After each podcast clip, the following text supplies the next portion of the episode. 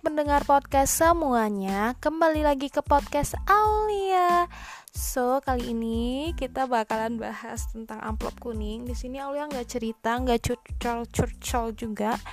Aulia di sini cuma nyampein suatu kalimat dalam dua paragraf di mana hmm, ini kata-kata yang Aulia harap bisa membangkitkan semangat kita semangat kita yang seperjuangan senasib dan seperjuangan. Oke okay. uh, eh, masuk ke fase di mana seakan urusan dunia tidak ada habisnya. Lulus SD jangan bersenang dulu.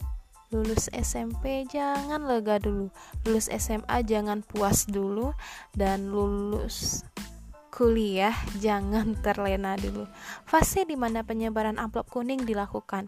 Masuk ke fase ini benar-benar berikan aba-aba untuk siap tidak siap akan terima hasil yang sesuai dengan keinginan.